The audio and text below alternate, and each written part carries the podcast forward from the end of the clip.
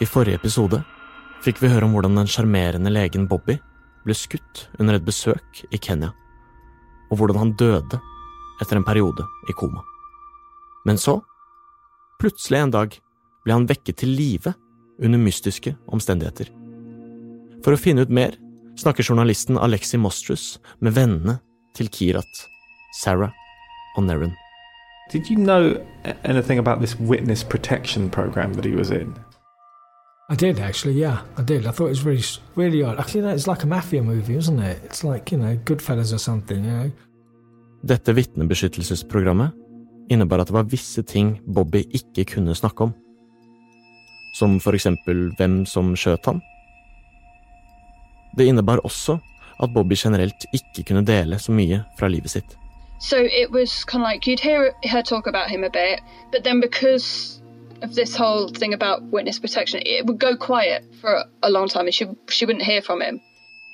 Vennene til Kirat, Sarah og Nerin, forteller at de har vanskelig for å tro at Bobby døde så brått, og så plutselig våkne til live igjen.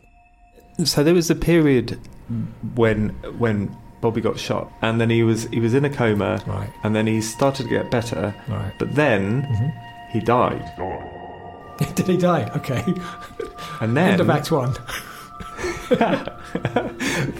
Act Two, he comes back alive. three weeks later, yeah, he's alive. He's alive He's alive. he's been put in witness protection. Where was he? Where did he come the back alive? In the US, right?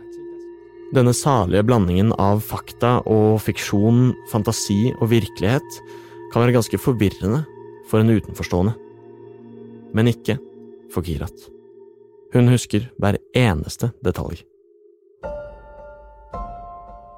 One day after Bobby had passed away, it must have been about May, probably, I think, where I had a message from SC, Bobby's widow, SC, det er det vi kaller enken til Bobby.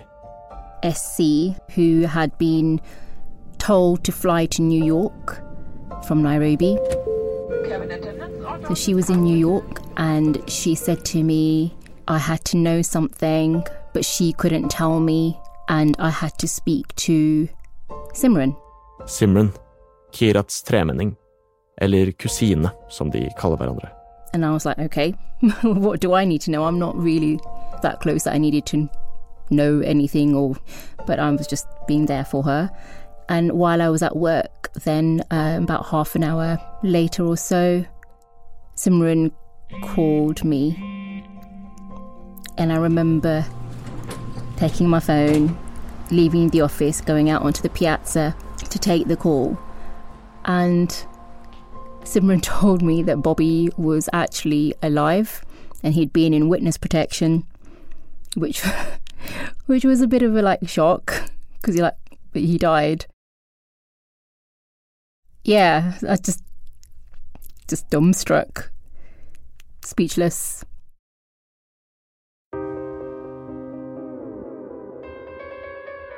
Etter at eh, Bobby hadde ligget i koma i flere måneder, hadde svindleren, denne personen på internett som hadde lurt Kirat, igjen ført Bobby tilbake i livet hennes.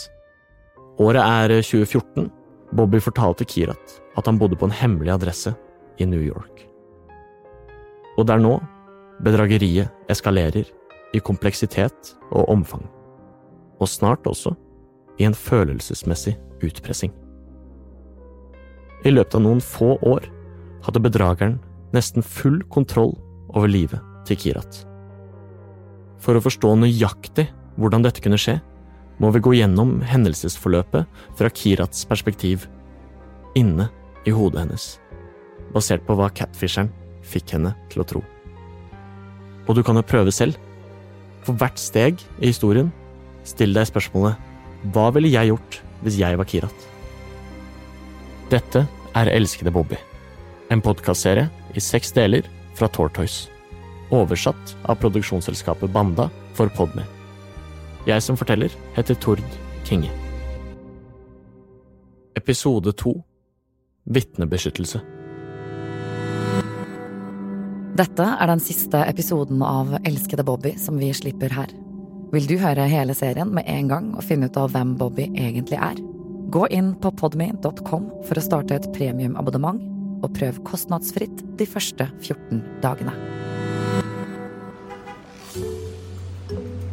Selv etter at eh, Bobby viste seg å være i live, og nå bodde i New York, var han ikke hovedfokuset til Kirat. Hun datet, festet, og hun hadde jobben sin å tenke på. Bobby var mer som en sprø historie hun delte med kollegaene sine. Litt sånn 'du vil ikke tro hva som skjedde med vennen min'-type greie. Og i noen måneder virket det til og med som om Bobby ble bedre. Men så ble han syk igjen. Veldig syk. På dette tidspunktet var de så gode venner at det var en selvfølge for Kirat å stille opp. All I know is when somebody's that unwell and when somebody needs your help, you help them. Bobby hadde blitt rammet av flere blødninger i hjernen. Han var delvis lammet og kunne ikke snakke ordentlig. Og han var veldig sint.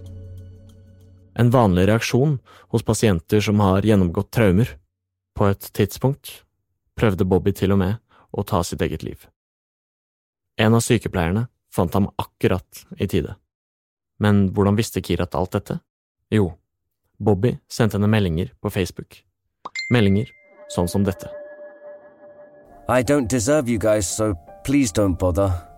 I do miss you all, but I don't deserve it. Kirat fikk også regelmessige oppdateringer om tilstanden til Bobby fra vennene og familien hans, samt legene på sykehuset. For det meste svarte Kirat med talemeldinger, korte opptak som hun sendte istedenfor tekstmeldinger. Has this all been too much the last couple of days? The last week even? Det utrolige med disse talemeldingene er at det gir oss mulighet til å høre hvordan forholdet mellom Kirat og Bobby utfolder seg i real time. Like like. Kirat fikk en viktig rolle i Bobbys liv. Det var hun som sa fra hvis han drakk for mye. Hun kunne be for ham for en vanskelig operasjon. Hun var alltid der for ham. Og la merke til når noe var galt.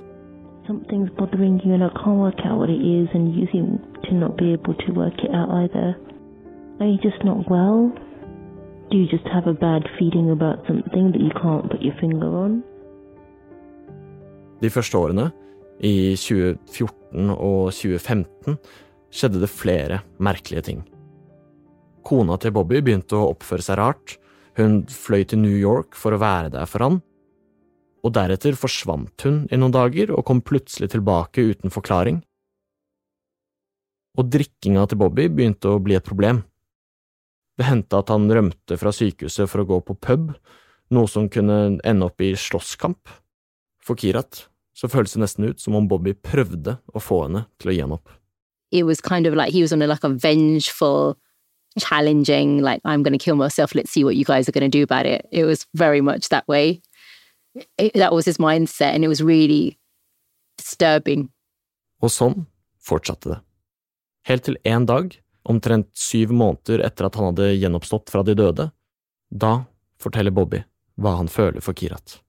So I think somebody had said something that he likes you or something. You know, I think those hints had been dropped in the past. I needed to deal with stuff. I had a lot going on. And he was not well. He, he just wasn't in the right state of mind. He didn't know what he was saying, as far as I was concerned. He was very delicate, you know, fragile. I think we'd had had him sectioned in the hospital at one point.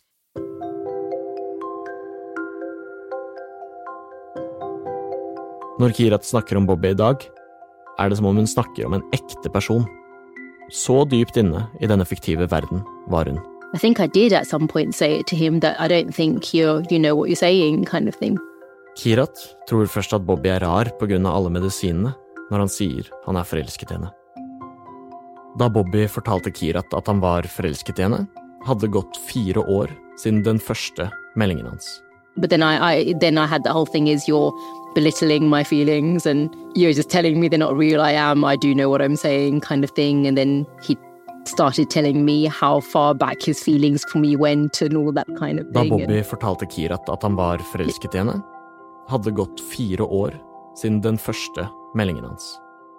Dette var ikke noe som hadde skjedd over natta. Dette utviklet seg sakte. også for Kirat, selv om hun tvilte litt. Now, obviously, I, I did, did have feelings for him, whether they were the right kind of feelings. Question mark, massive question mark.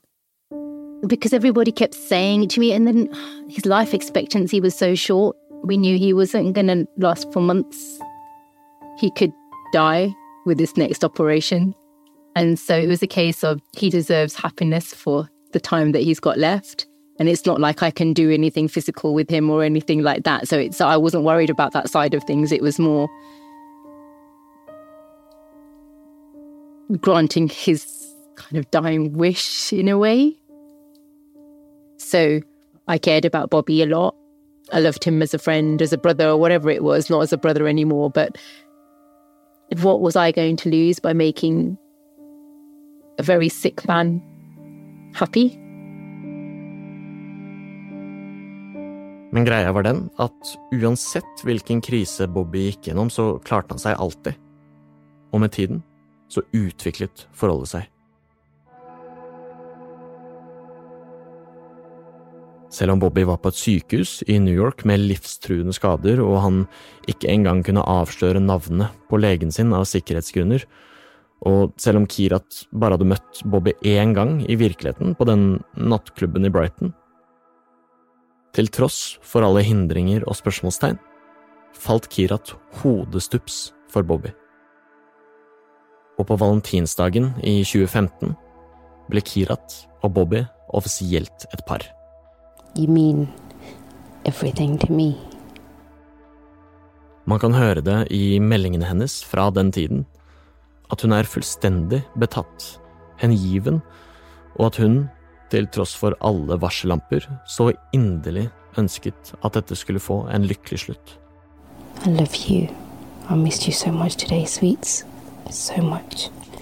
I really hope you're not too down. Today I caught myself smiling for no reason. Then I realized I was thinking about you. This is torture. I love you so much. Please don't ever forget. Alle som har vært i et langdistanseforhold, vet at det ikke alltid er så enkelt. Man kan slite med tidssoner og fysisk abstinens, men mange får det likevel til å fungere. Selv om forholdet til Bobby til tider var litt merkelig, kan nok mange likevel kjenne seg igjen. Kirat og Bobby hadde lange Skype-samtaler, opptil 13 timer i strekk. Noen ganger så ringte de hverandre om kvelden, snakket en stund, og så sovnet de til hverandres åndedrag. For Kirat så var lyden av stemmen til Bobby en forsikring om at han hadde det bra, at han ikke var i fare. Men selv om forholdet deres ble sterkere, så var det én ting som aldri endret seg med Skype-samtalene. Bobby slo aldri på kamera. Det hindret dem ikke fra å være romantiske. De hadde date nights, de lagde mat, også på TV sammen. De lo sammen på hver sin side av Atlanteren. Kirat i soverommet sitt i London, og Bobby på et sykehus på Manhattan. I løpet av denne perioden spilte Kirat til og med inn en hel Harry Potter-bok for Bobby. Bare for at han skulle ha noe å høre på. Harry heard from Hogwarts one sunny morning about a week after he arrived at the Burrow. He and Ron went down to breakfast to find Mr. and Mrs. Weasley. Og de sendte meldinger til hverandre, konstant. Om alt. Om å kjøpe hus sammen, om hva de skulle kalle barna sine, om hva familiene deres ville si når de hørte navnene. Og ikke minst om når Bobby endelig skulle komme til England. Stay positive. You know, we'll be together really soon. For Bobby fortsatte å love at han skulle komme hjem til London. Han hadde lyst til å bli flyttet til et sykehus nærmere Kirat, for å ta opp igjen karrieren sin som kardiolog. Just trying to work out how long it's going to be if I can, before I can see you. Kirat var full av forventning. Det kan man høre på meldingene hennes, sånn som denne. This time next week, in a week, you could be here. Wow. wow. I'm still deciding what I should be wearing to pick you up. so excited.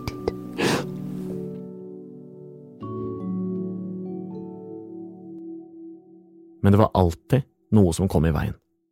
Det fantes liksom alltid en grunn til hvorfor Bobby ikke kunne reise likevel. So, do, do you mind just starting off, just introducing yourself for the podcast, telling us a bit about who you are and what kind of work you do? For å finne ut hvilke mekanismer som kan forklare Bobbys grep om Kirat, søker journalisten Alexi Mostrus hjelp fra en ekspert. I'm professor of public protection at the University of Gloucestershire. I specialize in coercive control and homicide. My name's Jane Monkton Smith. Coercive control, eller tvangskontroll på norsk, er en form for psykisk vold der noen bruker trusler eller manipulasjon for å isolere et offer og frata selvstendigheten deres. Og det Bobby holdt på med, er ganske typisk en relasjon preget av kontroll. The research suggests in an ordinary relationship, you might meet someone, you you know that thing, oh, love at first sight. That has a shelf life. It develops into something else. It develops into something more grounded and maybe stronger and more mature. But where there are barriers to the relationship reaching a conclusion, that stage can last much, much, much longer and retain that intensity. It never gets to that stage really where it's developed into, you know, a mature, uh, equitable relationship between two people. Bobby begynte å ta kontakt oftere. Når Kirat ikke holdt telefonen i hånda, som når hun kjørte eller hadde den i veska, så hørte hun at den vibrerte konstant. Det var Bobby som minnet henne på at han var der. Men til tross for de tusenvis av meldingene som Kirat spilte inn og sendte til Bobby, så svarte han alltid med tekst. Han snakket på Skype, men stemmen hans var bare som en hvisking. Han fortalte at grunnen var at stemmebåndet hans var blitt skadet etter en operasjon. Når Kirat i ettertid gikk gjennom Facebook-meldingene mellom henne og Bobby, ble det tydelig. Dette fraværet av en stemme. Hun kunne ikke finne et eneste opptak av hvordan Bobby faktisk hørtes ut.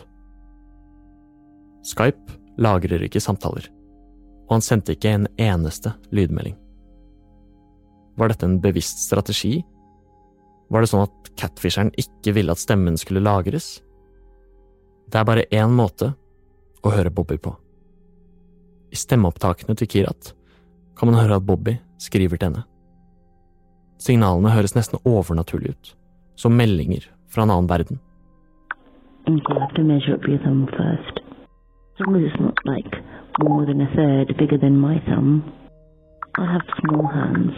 Hørte du signalene? Det er catfisheren. På dette tidspunktet var Kirat veldig forelsket i Bobby. De var to voksne som prøvde å få et langdistanseforhold til å fungere. Men hvordan gjorde de det fysiske? Your relationship with with Bobby did develop um, uh, an intimate side as well. Yeah. As in, we had an intimate relationship, but it wasn't obviously not physical. And there was no, um, you know, people like sordid details, but there were no like photos or videos or anything. It's, yeah. So there was nothing like that at all. Nei, Kirats relasjon til Bobby var ikke fysisk. Men den var intim. Og det var mye med forholdet deres i begynnelsen som var fint, som å lese Harry Potter og ha date nights. Men også de lyse stundene er en del av et mønster når det kommer til tvangskontroll, forteller eksperten Jane Monkton Smith. So, in coercive control, generally speaking, there is a stage right at the beginning that um, in the early relationship, and it's often referred to as the honeymoon stage, where one one or both people will be representing themselves as maybe a little bit different to who they actually are. They're going to put themselves in the best possible light. And very controlling people will want to um, be able to establish their control over a person incredibly quickly. So, what they tend to do is bomb bombard the other person with um, romance and, and love and that kind of thing, which can be very persuasive. But they will often pull back all of a sudden to make that person crave the attention again. Overgriperen bruker forelskelsen som et slags rusmiddel. Overgriperen skaper avhengighet og en lengsel tilbake til den lykkelige tiden i starten av forholdet. So they'll give them all of this attention, which the person is loving and is producing dopamine and all these wonderful things. Then they'll just withdraw it purposely, purposely. And that person will then do anything for them to crave, to get that attention back again. And that can create a cycle. Hvis man tar et skritt tilbake og betrakter forholdet til Kirat og Bobby utenfra, så blir det tydelig. Han overstrømmer henne med kjærlige meldinger, kommer med løfter, men skuffer henne alltid i siste liten. I just want to hold you in my arms and never let you go. You are the best thing that has ever happened to me. Instead, I let you down and hurt you badly. Og det ble verre.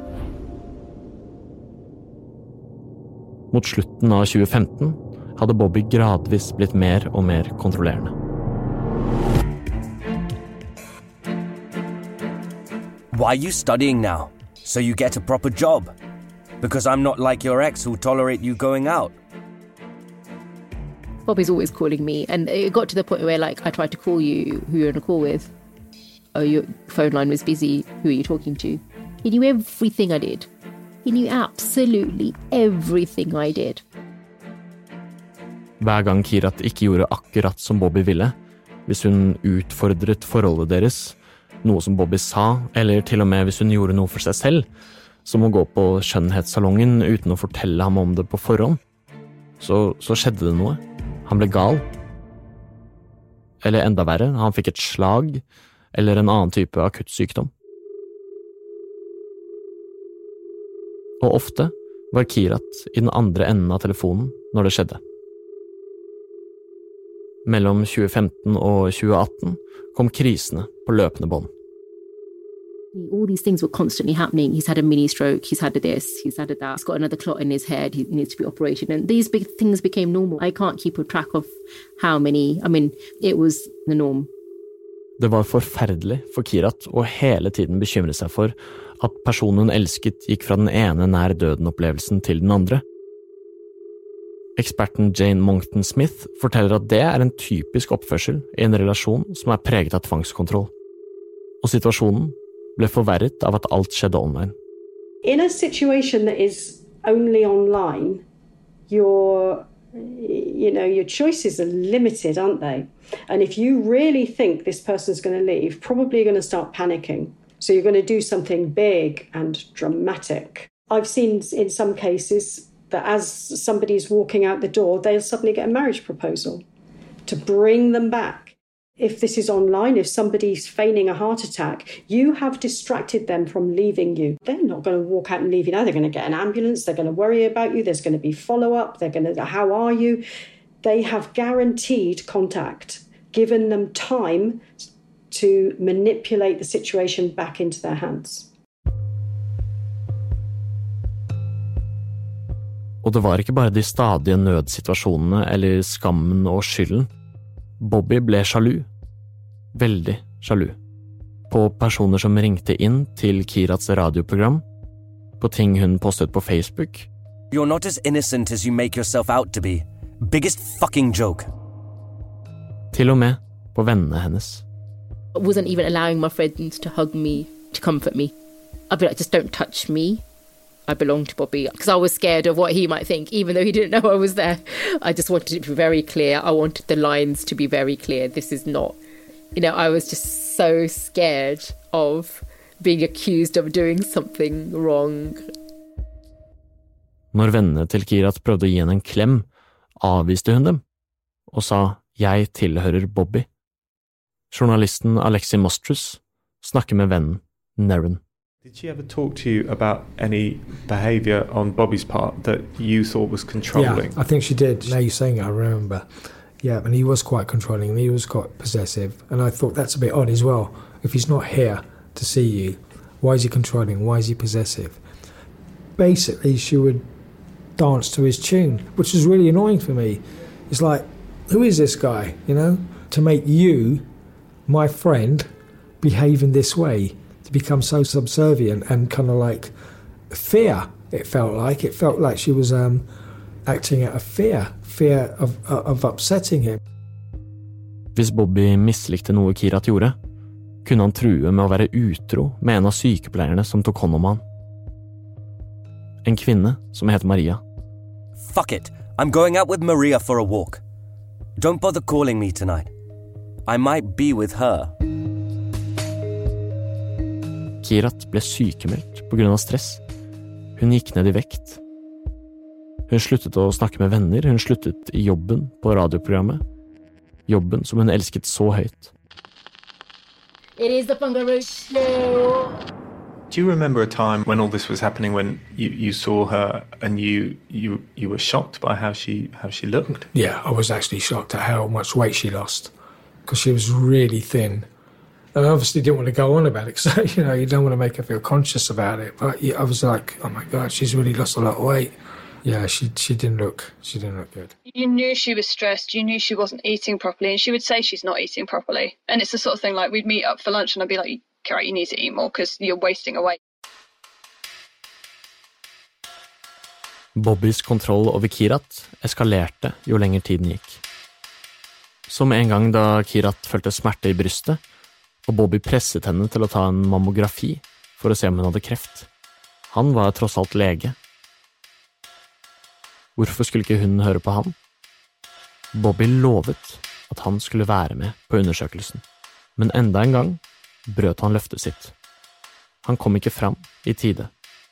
Kirat dro på undersøkelsen alene, og da Bobby fikk høre at legen var en mann, ble han helt hysterisk. Hvordan våget hun å la en annen mann røre henne på den måten? Dette skjedde i april 2016. Da hadde Bobby lovet å komme til England seks ganger. Men det hadde ikke skjedd. Familien til Kirat begynte å lure. Men den syvende gangen virket det faktisk som om han mente alvor, og Kirat gikk all in. I'd bought new things for the house, like new bins, sorted out new cutlery and crockery, totally repainted the kitchen units, stripped them down, took them into the garage, and I was painting them. Hun tok seks uker fri fra jobben. Det meste var ubetalt. Hun pusset til og med opp kjøkkenet og badet. Alt for Bobby. I'm a bit mad, but all because of you, baby. It's not all because of you, but you know, it is because of you. The catalyst. Og så, bare noen dager før han skulle komme, ble Bobby sint for noe og begynte å krangle. Right, and I just kept saying, you know, wrong? You know. Og plutselig, mens de kranglet, fikk Bobby et kraftig hjerteinfarkt. Midt i det hele ble samtalen brutt, og Kirat ble stående alene med telefonen i hånden. And I was shaking, and I was in tears, and I was just screaming for him down the phone and getting nothing back. Sjokkert og fortvilet kastet Kirat noen klær ned i en bag og kjørte til Heathrow for å ta det første og beste flyet. Hun måtte se ham, forsikre seg om at Bobby var ok. Men ved innsjekkingsdisken, akkurat da hun skulle kjøpe en billett, ringte en av de eldre kusinene til Bobby. Hun var rasende på Kirat og skjelte henne ut. Alt dette var Kirat sin feil. Bobby var så stresset over å treffe henne at hjertet hans ga opp. Kirat var knust. Før vi går videre, vet du forresten hvor begrepet catfish kommer fra? For det har en ganske spesiell opprinnelse. Det er kanskje ikke så overraskende at det kommer fra en historie om en fisk. Eller mer spesifikt om en fisker som fraktet torsk fra Alaska til Kina. Fiskeren holdt torsken i live i store vanntanker på skipet mens de reiste over havet. Men vel fremme i Kina hadde noe gått tapt. Torskekjøttet smakte trist og dvaskt. Fiskeren begynte å tenke Kanskje det var fordi torsken ikke kunne bevege seg i tanken. Som det var nå, drev de bare rundt, ustimulert og stirret på ingenting. Så han prøvde noe. Han slapp ut en annen fisk, en malle, eller catfish på engelsk, sammen med torsken. Og siden mallen spiser torsk, så måtte torsken nå svømme for livet. Og det fungerte. Når de kom til Kina, var torsken fast og god. Ok, denne historien, den opprinnelige historien som ga navn til begrepet catfish, virker ganske usannsynlig. Ville ikke mallen bare spist opp torsken? Den som gjør litt research, vil raskt finne ut at det ikke finnes bevis for at denne historien skulle være sann. Anekdoten kommer faktisk fra en dokumentar fra 2010 som heter nettopp Catfish.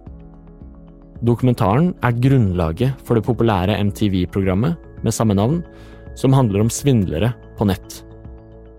I dokumentaren avsløres en kvinne som har flere falske identiteter online.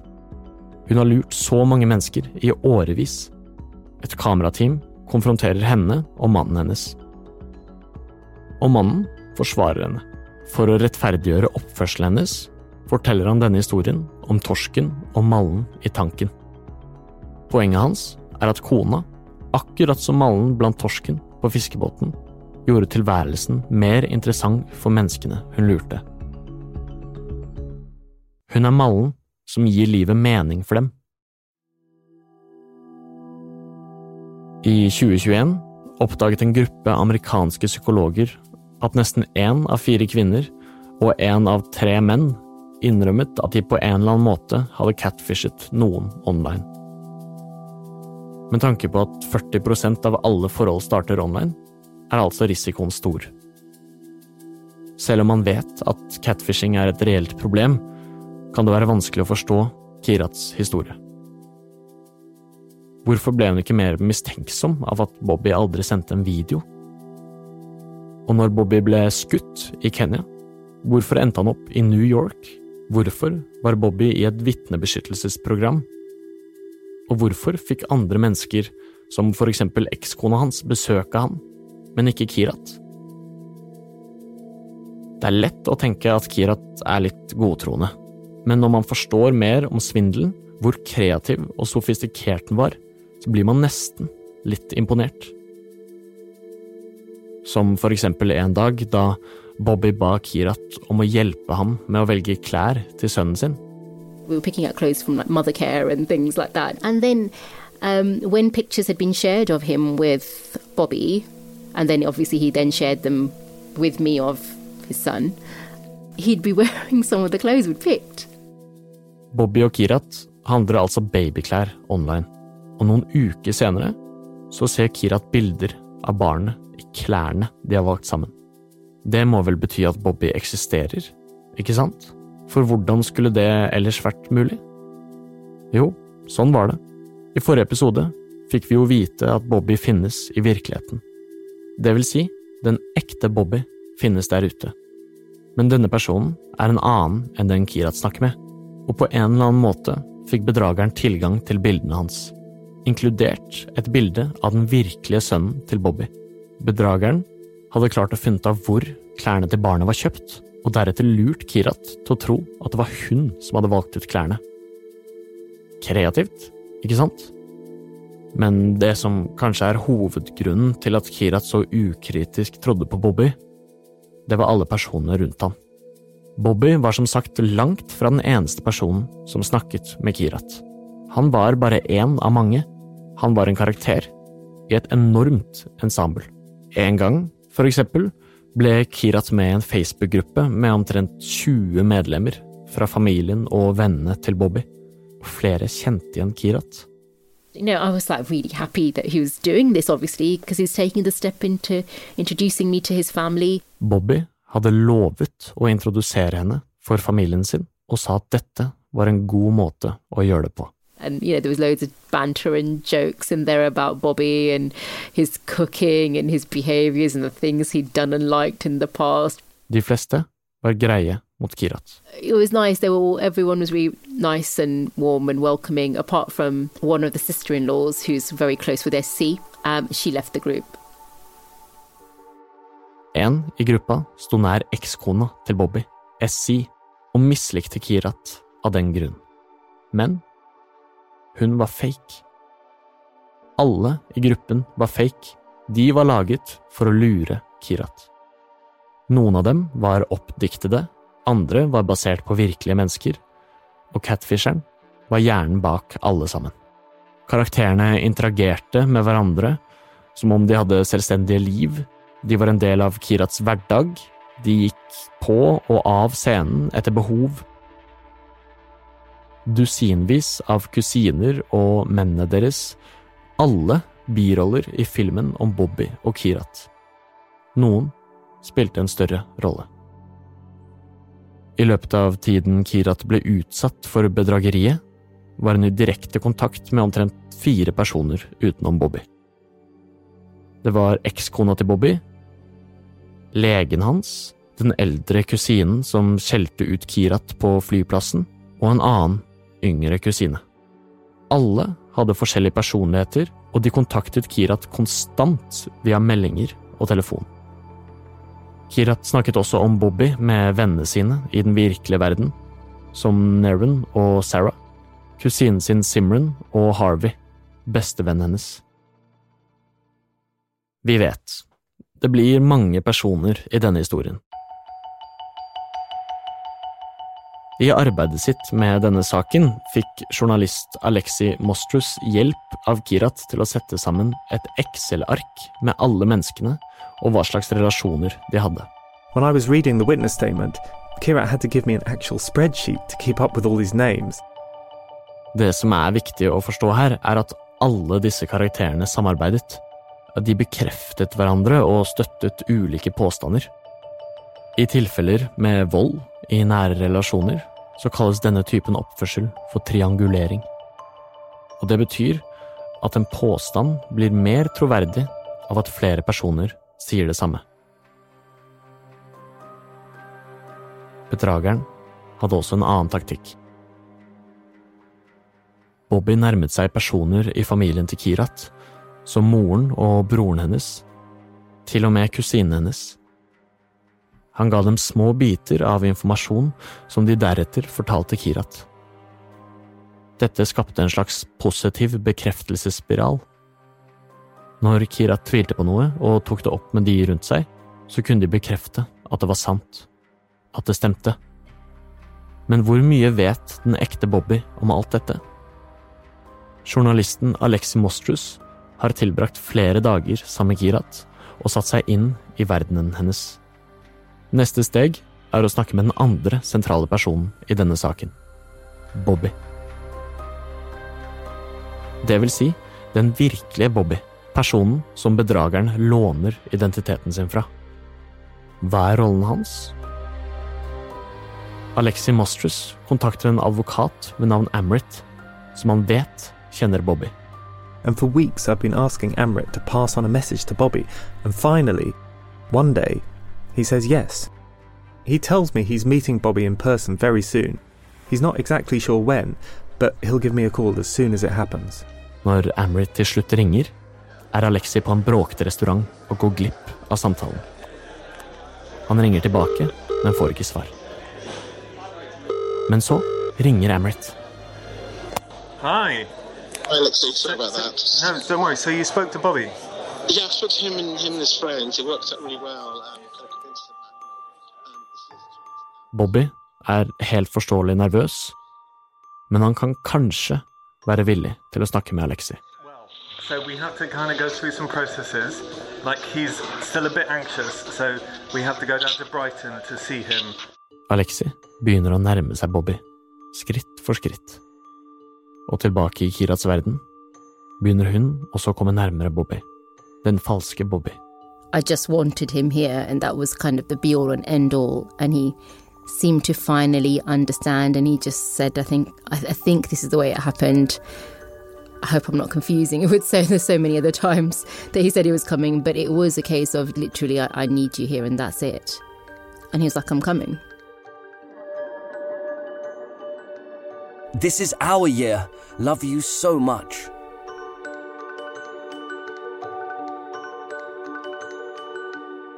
I mars 2018, tre år inn i forholdet deres, og åtte år etter at de først begynte å snakke online, kommer Bobby endelig til London. So much had happened since the first time he was going to come, and how many times he was going to. I don't know how many times he was going to come. I've never counted, to be honest. Etter alle disse årene med brutte løfter, i Kirats verden skulle den påkjenningen i det minste snart være over. I neste episode av Elskede Bobby faller en stor del av puslespillet på plass når bedrageren endelig avsløres. Would you characterize the relationship between Bobby and Kirat as a, a coercive control relationship? I'd characterise it as high risk coercive control. What do you mean by high risk? High risk of um, Kirat suffering some kind of harm, serious harm.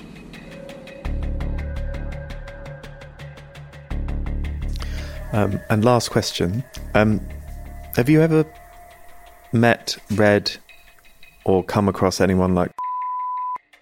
I think that for me is probably the most invested and obsessive controlling person in this environment that I've have seen personally. I think she needs prosecuting. Personally, I think she needs prosecuting because if the if everybody thinks this is the end and she will never behave like this again, they're wrong. She will. Dette er den siste episoden av Elskede Bobby som vi slipper her. Vil du høre hele serien med en gang og finne ut av hvem Bobby egentlig er? Gå inn på podme.com for å starte et premiumabonnement, og prøv kostnadsfritt de første 14 dagene.